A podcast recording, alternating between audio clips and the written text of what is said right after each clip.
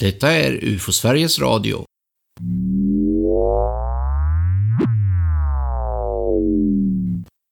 Folkwill.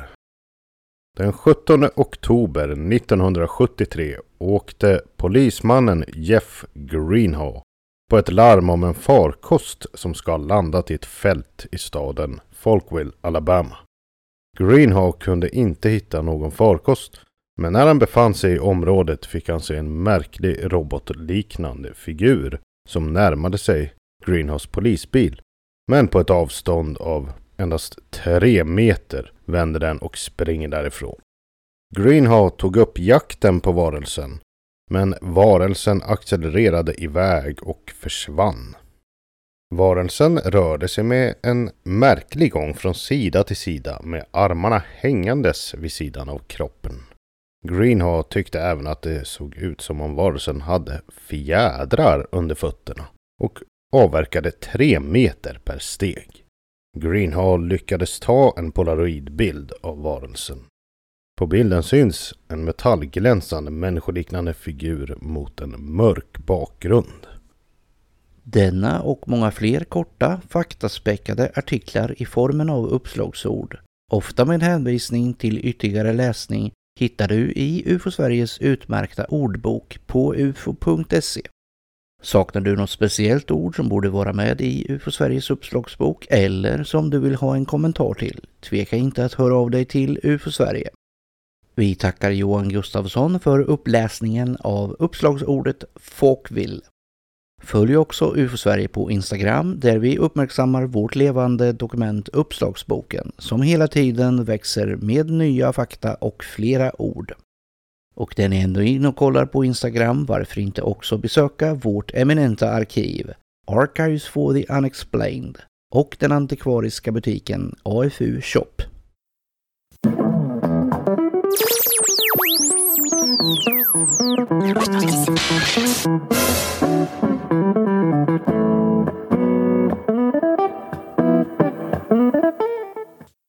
Vi önskar er glad midsommar med en podd om aktuella händelser om UFO-Sverige och UFO-världen. Jag heter Tobias Lindgren och med mig vid mikrofonerna idag har jag Thomas Schörneck. och Johan Gustafsson. ni ska vara varmt välkomna trots att det är lite regnigt utanför fönstret. Det är ju ändå midsommar snart. Hur tar vi oss an det här ämnet idag, Thomas? Var vill du börja? Ja, jag tänkte att vi kunde backa några veckor. Då hade vi någonting som heter UFO-expo i Västerås. Det är ju UFO Sveriges årliga utställning om UFO-fenomenet med lite föredrag och eh, vi säljer böcker och vi säljer fika och har det trevligt och massa besökare. Och så har vi ju samtidigt då det som vi kallar för riksstämma då, alltså vårt årsmöte. Och det i år var lite speciellt för vi fick faktiskt välja in tre stycken helt nya förmågor i styrelsen. Vi jobbar ju på det här med lite föryngring och förnyelse.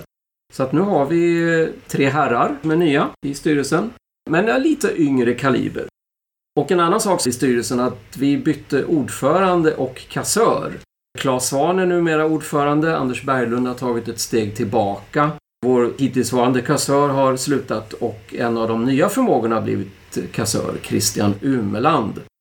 Och nu fick det här en liten bieffekt då kan man säga, det här bytet av roller och så. Och det är ju att vi brukar ju informera nya medlemmar och prenumeranter om att de har blivit, att vi har tagit emot deras betalning och att de har blivit medlemmar och prenumeranter. Dels med e-post och dels med medlemskort. Och tyvärr så under några veckor nu så har det här lite grann fallerat. Våra rutiner inte riktigt har hängt med i det här bytet av personer. Så det ber vi faktiskt väldigt mycket om ursäkt för och kommer inom kort att eh, komma ikapp med de här utskicken av olika slag. Så jag hoppas att ni som har betalat senaste veckorna står ut med att vänta lite grann. Det tror jag nog att de gör. Och vi ska väl inte egentligen skylla från oss på någon annan, men det har ju med lite teknikaliteter att göra som, som vi kanske inte har helt kontroll på själva då inom UFO-Sverige. Så kan man säga.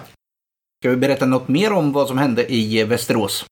Vi hade ju den vanliga stående aktiviteten som vi brukar ha vid eh, de olika montrarna eller eh, olika modellerna då som vi visar upp på stämman eh, har vi ett eh, rapportmottagande också. Vi vet ju att eh, när vi har öppet hus här för allmänheten så kommer det ju alltid folk som har sett saker och ting. Det är ju viktigt att vi då tar tillvara på på de eh, rapporterna också. Så att eh, det är jag och min eh, kollega på Rapportcentralen Kent Cederborg som eh, sitter vid ett litet bord där och tar emot folk och går också att söka i databasen över svenska rapporter och göra lite allmänna sådana nedslag i UFO Sveriges rapportarkiv. Trillar in några roliga rapporter därifrån. Det kom en handfull eh, personer som berättade om lite saker och vi har lite efterarbete att göra där också. Folk som vi ska kontakta på nytt här och dokumentera det de har varit med om lite utförligare. Så en del grejer blir man ju lite mer nyfiken på så att man vill följa upp det med lite bearbetning i efterhand också. Och du Thomas satt i entrén där du märkte av trycket när det väl öppnades. Ja, det var faktiskt väldigt specifikt. Just vid öppettiden där vid, vid 12 så var det faktiskt kö med en gång. Vi tog väl emot sammanlagt ungefär 200 besökare. Och det är ganska bra. Och eh, framförallt var det roligt att det kom så många på föredragen. Vi hade en ganska stor sal med många sittplatser och det blev faktiskt fullproppat där också. Jag såg ju tyvärr inte det första föredraget som Claes höll. Var ni där inne? Ja, det var mycket folk. Och det var uppskattat. Ja, då. Andra föredraget var jag ju dock där inne för då höll jag det själv. Ja. Och det var också väldigt uppskattat. Jag har hört någon tyckte det var lite, jag, jag pratade ju om bilder och att vissa av de här bilderna var eh, så att säga förklarade. Man hade velat ha lite mera ufo, riktiga ufo-bilder, oförklarade bilder. Fast en och annan eh, okänd eller oförklarad bild hade du väl ändå? Jajamän! Det var inte helt eh, tomt. Man lär sig för varenda gång man har ett föredrag.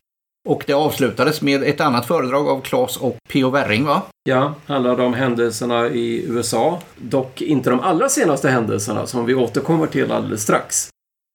Vi pratade ju med väldigt många människor under den här dagen som var trevlig skulle jag väl säga. Själv stod jag ju och eh, förevisade en meteorit. Just det, du hade den där eh, under uppsikt hela stämman. Ja, och så har vi några andra så kallade rymdstenar eller rymdobjekt som vi inte riktigt vet om de, eh, ja, deras ursprung har lite mer av ufo-karaktär skulle man kunna säga.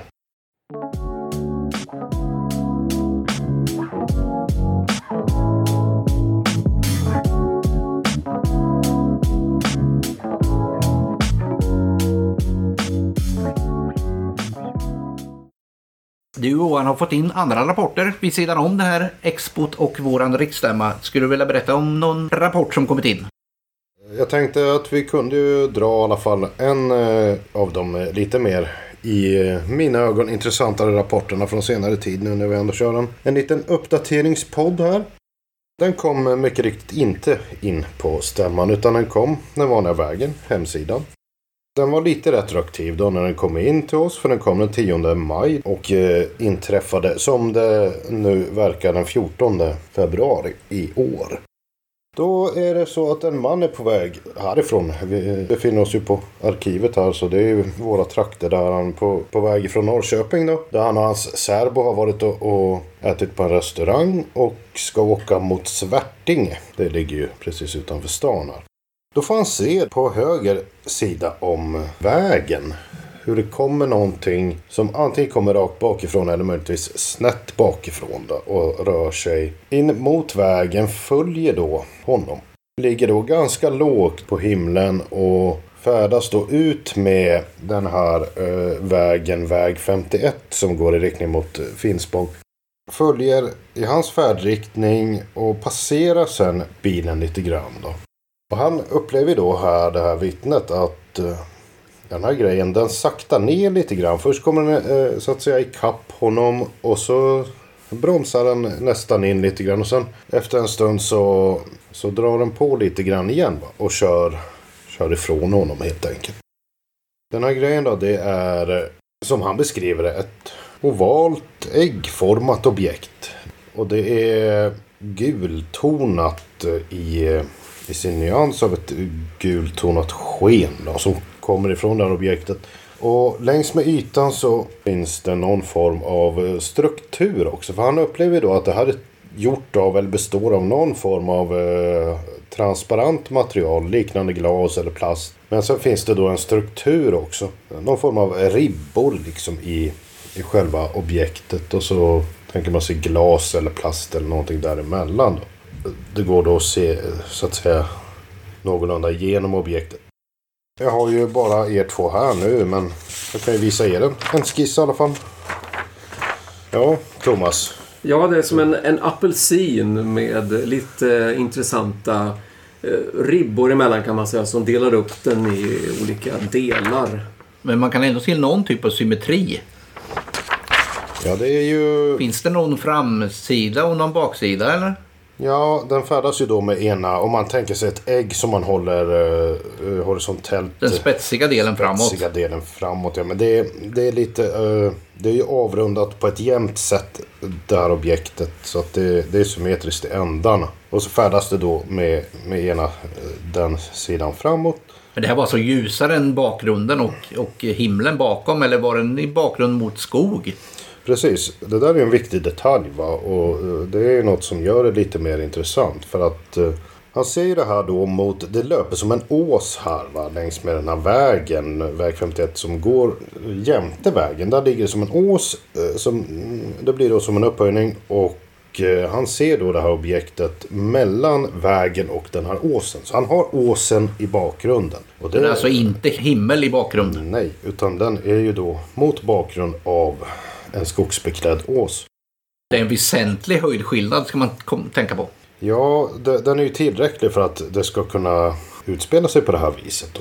Det är ju intressant va, för det ger ju oss ett, ett maxavstånd va, som den här äggformade grejen kan ha befunnit sig på. Det där är ju ofta någonting som vi har problem med annars. Att det är svårt att avgöra avståndet till någonting som man ser mot himlen som bak. Men eh, här har vi då en referens. Och avståndet från väg 51 till den här åsen det är ungefär 200 meter vill jag minnas.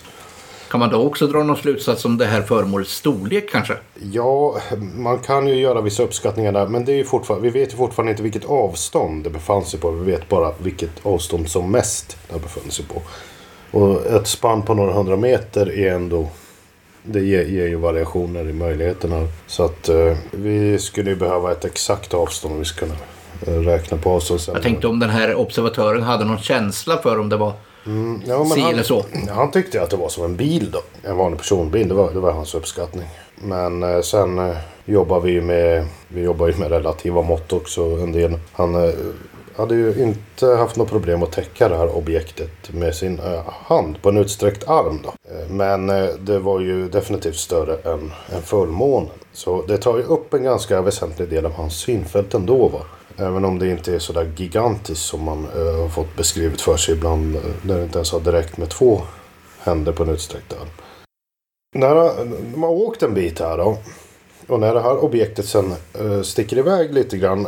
Ökar farten lite och åker fram en bit. Då försvinner det bara.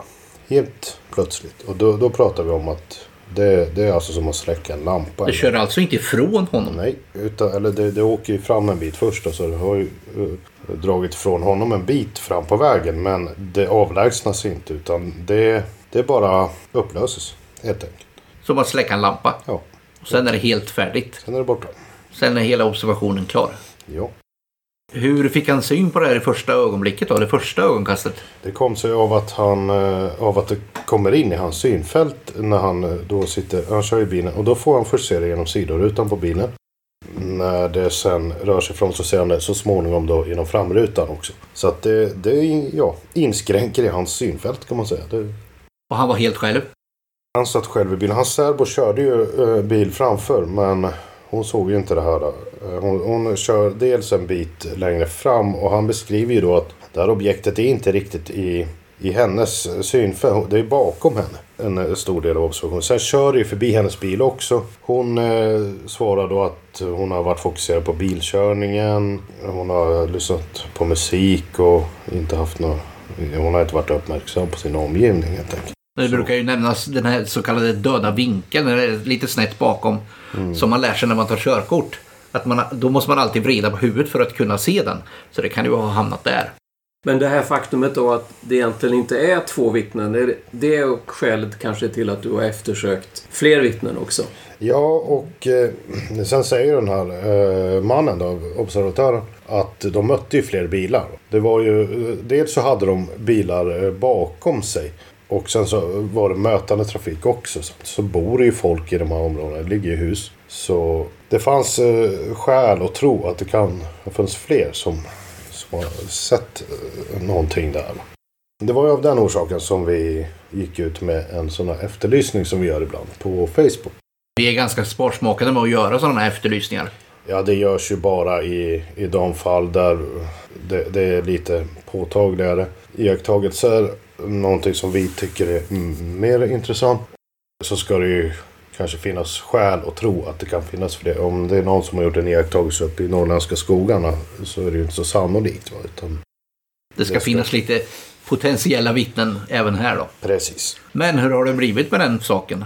Ja, vi gick ut sju dagar, låg annonsen ute och det man gör då är att man marknadsför den mot en specifierad målgrupp. Och då, då skriver vi ett inlägg på Facebook helt enkelt som vi postar och sen så marknadsför vi det mot en geografisk målgrupp. Och i det här fallet så drog jag från Norrköping med 50 kilometers radie åt alla håll och eh, då, då sprids den här annonsen så att den kommer upp i flödet för alla de som bor i de här områdena. Så eh, de får upp den i någon sidokolumn där.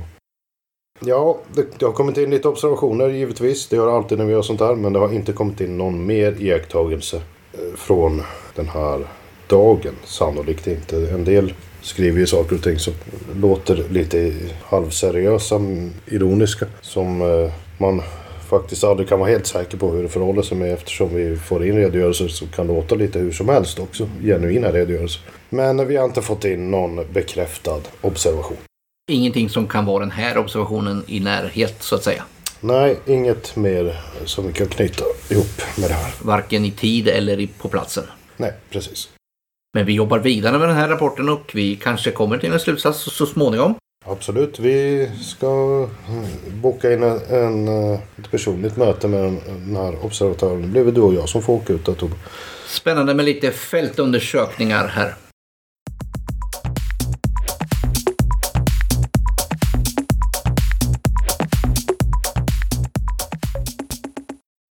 Ska vi gå lite framåt i tiden och vad kanske vi hittar då? Det här eh, som har hänt i USA är ju väldigt många intresserade av. Vad säger du Thomas? Ja, det är ju den här visselblåsaren då, David Grush, som har eh, gått ut och talat om eh, att han har olika källor på att eh, USAs militär och underrättelseverksamhet har tagit hand om bland annat störtade farkoster och till och med varelser. Det är naturligtvis väldigt speciellt och eh, många blir nyfikna på det här. Eh, vi som har varit med ett tag i branschen vet ju att det här är ju liksom inte första gången det här händer. Eh, det är många sådana här visselblåsare som har varit ute och det tråkiga är väl att det är så väldigt svårt att få någon bekräftelse på de här uppgifterna. Och sen det här med att, att det nämns som visselblåsare kan man ju undra varför, varför det. Och det är väl nu för att det finns ju nya visselblåsarlagar som gör att man, blir, man kan berätta utan att råka ut för något, något tråkigt då. Rent yrkesmässigt och så vidare. Det är väl därför just den biten kommer in i det hela. Om det är någon som undrar varför man pratar om visselblåseri i det här sammanhanget. Det har ju klättrat upp i den amerikanska hierarkin. Vad säger du Johan? Ja, det finns massor med sådana här uppgifter genom åren. Va? Jag tycker det är viktigt med, med sammanhanget när vi ser till sådana här uppgifter. Det blir en stor nyhet. Det blir ja, sensationellt på ytan. Men det är ju inte alls första gången som eh, det talas ifrån eh, folk inom eh, olika myndigheter i USA om tillvarataganden och eh, sådana här mörkläggningar av saker och ting. Det gjordes ju redan på, jag vill minnas att det var på 70-talet som en amerikansk undersökare som heter Leonard Stringfield skrev en artikelserie i en tidskrift som heter Flying Saucer Review. Som hette Retrievals of the Fifth Kind. Och där beskrev ju han flera sådana här påstådda tillvarataganden. Det här är ju absolut ingenting nytt. Va? Men det som är, nu är lite speciellt då, det är ju att det går till kongressen. Vi får väl se om det kommer att leda någon vart. Pentagon har ju själva då dementerat Grush uppgifter. De har ju gått ut med, jag tror det var ett pressmeddelande de släppte. Där de förklarade att de inte har några sådana farkoster i sin besittning. Nu ska det ju då förmodligen behandlas av kongressen då, vidare framöver. Alltså vi får väl se vart det landar. Det är ju samtidigt så va, att eh, den här mannen, David Grush, har ju hänvisat till vissa saker som eh, är kända inom ufologin sedan många år tillbaka. Bland annat en, ett nedslag av ett föremål i, i Italien 1933. 90 år gammalt alltså. Ja, så pass gammalt. Som eh, ju italienska ufologer anser vara en, en bestämd bluff. Så det finns ju tveksamheter redan nu. David Grushs eh, källmaterial om, om man ska kalla det så. Det är väl också så att det inte är förstahandskällor. Ja, men det är det som är det viktiga här att tänka på. Det här är ju naturligtvis väldigt spännande uppgifter men vi måste ju invänta förstahandskällorna, det vill säga de som David Grush säger att han har fått informationen ifrån. Det är de som måste träda fram för att det här ska bli lite mer, lite mer substans på det. Det är väl därför också som UFO Sverige inte hoppar jättehårt på den här direkt. Nej, precis. Vi, vi jag har en viss vana av det här och vi känner väl att fakta måste fram på bordet lite mer än bara påståenden som det lätt blir i det här fallet. Men självfallet ska vi bevaka det här. Det är ju ingen tvekan om att det är spännande. Men som sagt, det måste, måste fram lite mer fakta i målet. Och det får vi hoppas att det kommer. Snart naturligtvis. Ja, se vad kongressen hittar på med sina förhör. Ja, man vet ju aldrig hur fort det går heller tyvärr.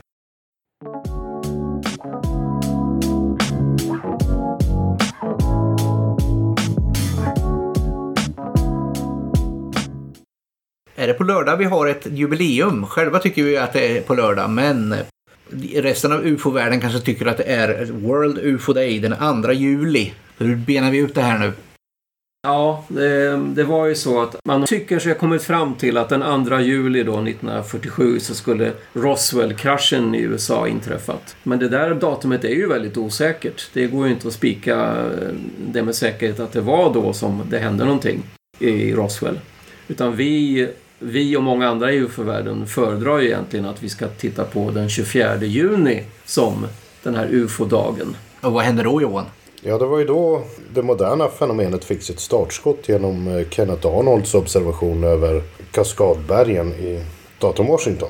Det var ju i och med det då som eh, det här begreppet Flying Saucer myntades. Det är ganska omstritt just hur det myntades och av vem. Det är en reporter som heter Bill Buquette på, på Eastern Oregonian som har blivit utpekad men sannolikt så var det inte han.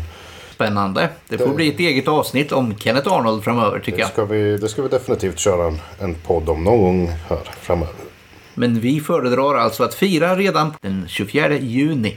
Men vi kanske firar den 2 juli också, eller vad säger ni?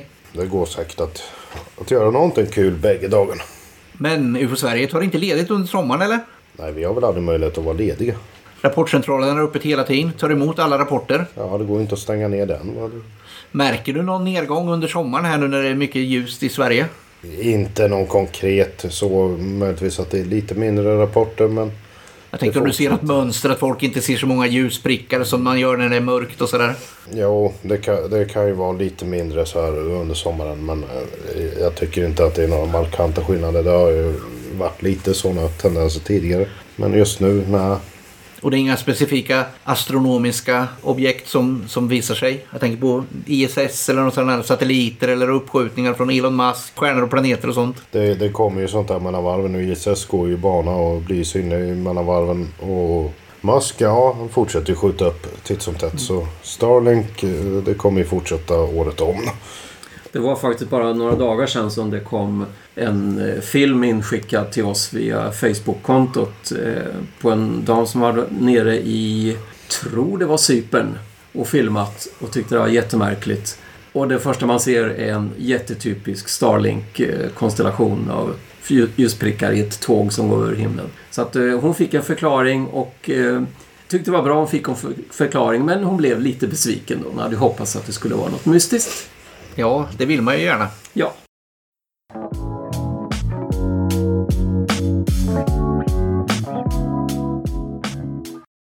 Vad är det som händer längre fram för UFO Sveriges del? Ja, det är ju så att just i dagarna nu så håller vi på att planera ihop någonting som vi kallar för en medlemsträff i Sundsvall. Vi håller ju de här träffarna eh, varje år sedan några år tillbaks. Vi har varit i Göteborg och Stockholm. Men eh, nu då i år efter sommaren här så kommer vi att vara i Sundsvall och då hoppas vi då att många som bor i den närheten av Sundsvall kan tänka sig att dyka upp och träffa UFO Sverige. Det är ju vi då aktiva som eh, anordnar den här träffen och eh, tar emot besökare som är intresserade av UFO. Och framförallt våra medlemmar. Och berättar om vad som händer och för en liten dialog för att se, kan vi hitta nya engagerade och lite så. Troligen eh, lördagen den 23 september blir det i Sundsvall. Vi håller precis just nu på att boka och sådär så vi får se eh, om det blir det men det lutar åt 23 september. Så jag vill absolut att ni som bor inom, ska vi säga, pendlingsavstånd från Sundsvall. eh, 10-15 mil kanske som man kan tänka sig att resa. Om man inte bor i själva Sundsvall. Och komma till eh, denna träff. Och, eh, så vi får träffa er och ni har chansen att ställa frågor och så till oss. Det blir lite mer personligt än ett vanligt expo så att säga. Ja, oh ja, det är helt annorlunda måste jag nog säga. Vi fokuserar ju helt på besökarna och då är det ingen utställning och så utan vi verkligen eh, diskuterar och... Det är, ju, det är ju till för medlemmarna. Det är ju en träff helt enkelt där vi ska interagera med och mm. Kunna bekanta oss lite grann med dem och de ska bekanta sig med oss. Men sen är det också fullt tillåtet för övriga UFO-intresserade att komma.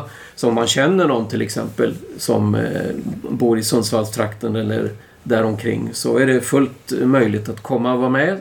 Sen har vi en liten intern del av den här träffen som bara är till för medlemmar då. Men vi kommer att ha en öppen del också där alla kan vara med och lyssna och lära sig mer. Men man kan slå till på ett medlemskap på plats. Ja, det kan man ju absolut göra. Det vill vi ju väldigt gärna. Då, Då får man naturligtvis vara med på den här interna delen också. Då vi kanske berättar lite mer, eh, eller för lite mer diskussioner om eh, vad man kan göra inom UFO-Sverige och så vidare. Så är man intresserad så kan man absolut åka dit. Ja, hjärtligt välkomna. Vi kommer att gå ut med mer information.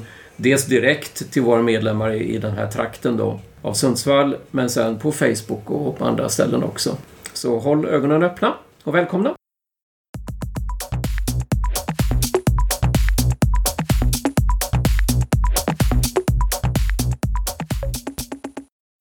Om vi förflyttar oss ytterligare längre in i framtiden, vad har vi för något på agendan då? Ja, vi ska ju ha en fältundersökarkurs i, i år med va? Har vi något eh, nytt för i år på den här kursen kanske? Vi har väl inte riktigt spikat eh, programmet än men eh, det blir ju alltid, nästan alltid en, en gästföreläsare och därmed någon form av eh, nytt unikt inslag för varje kurs. Kurserna är ju inte några kopior från år till år utan det är ju nya grejer hela tiden. Och ni brukar ju sammanställa ett ganska ambitiöst grupparbete du och Claes så det ska ni väl göra Det vet man inte men det brukar, brukar vara uppskattat. Även om det brukar också vara svårt. Ja, det är mycket jobb med det där. Vad säger du Thomas? Du var ju involverad förra året. Ja, jag, jag blev ju något slags märkligt ufo-vittne trots att jag knappt visste om det själv.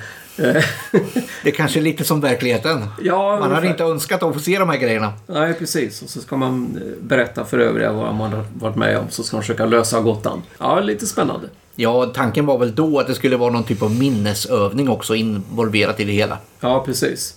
Och det var ju ganska realistiskt för att man kommer ju faktiskt inte ihåg så himla mycket själv. Om man liksom har varit med om något märkligt och hålla reda på alla tider och riktningar och avstånd och sånt. Det är inte så lätt. Nej, och just den biten brukar ju vara väldigt uppskattad. Att man får vara den här lilla detektiven. Det var en rolig övning faktiskt. Vi ser fram emot nästa med. Vi siktar ju på att ha kursen eh, helgen den 27 till 29 oktober då. Men eh, i nuläget så går det ju faktiskt inte att anmäla sig än. Så där får vi bara eh, be folk att hålla lite utkik på ufo.se och invänta att anmälan eh, läggs ut på hemsidan. Vi kanske ska förklara för er då, som inte kanske håller koll på vad kursen är. Att det är ju en, en helgkurs då, den börjar på fredag kväll och håller på till söndag eftermiddag. Och man lär sig ju då dels allmänt om ufo-fenomenet eh, och lite misstolkningar och sånt. Men också om ufo-fall och framförallt så lär man sig att undersöka en ufo-rapport. Det är det som det här går ut på. Det är därför vi kallar det för fältundersökarkurs. Syftet och förhoppningen är att de som går kursen är intresserade att, att bli fältundersökare och därmed hjälpa Johan till exempel här med, inom rapportcentralen med att undersöka rapporter framöver.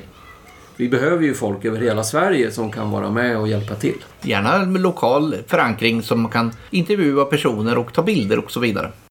Kursen då, den eh, hålls ju här i Östergötland eh, vid Yxnerums eh, kursgård. Det är ju, är det tredje året vi är där nu va? Det blir det Det går ju att, att ta, brukar lösa sig för de flesta att ta sig dit. Så det, Det tycker vi absolut att ni ska komma och vara med på den här kursen. Så fort det går att anmäla sig.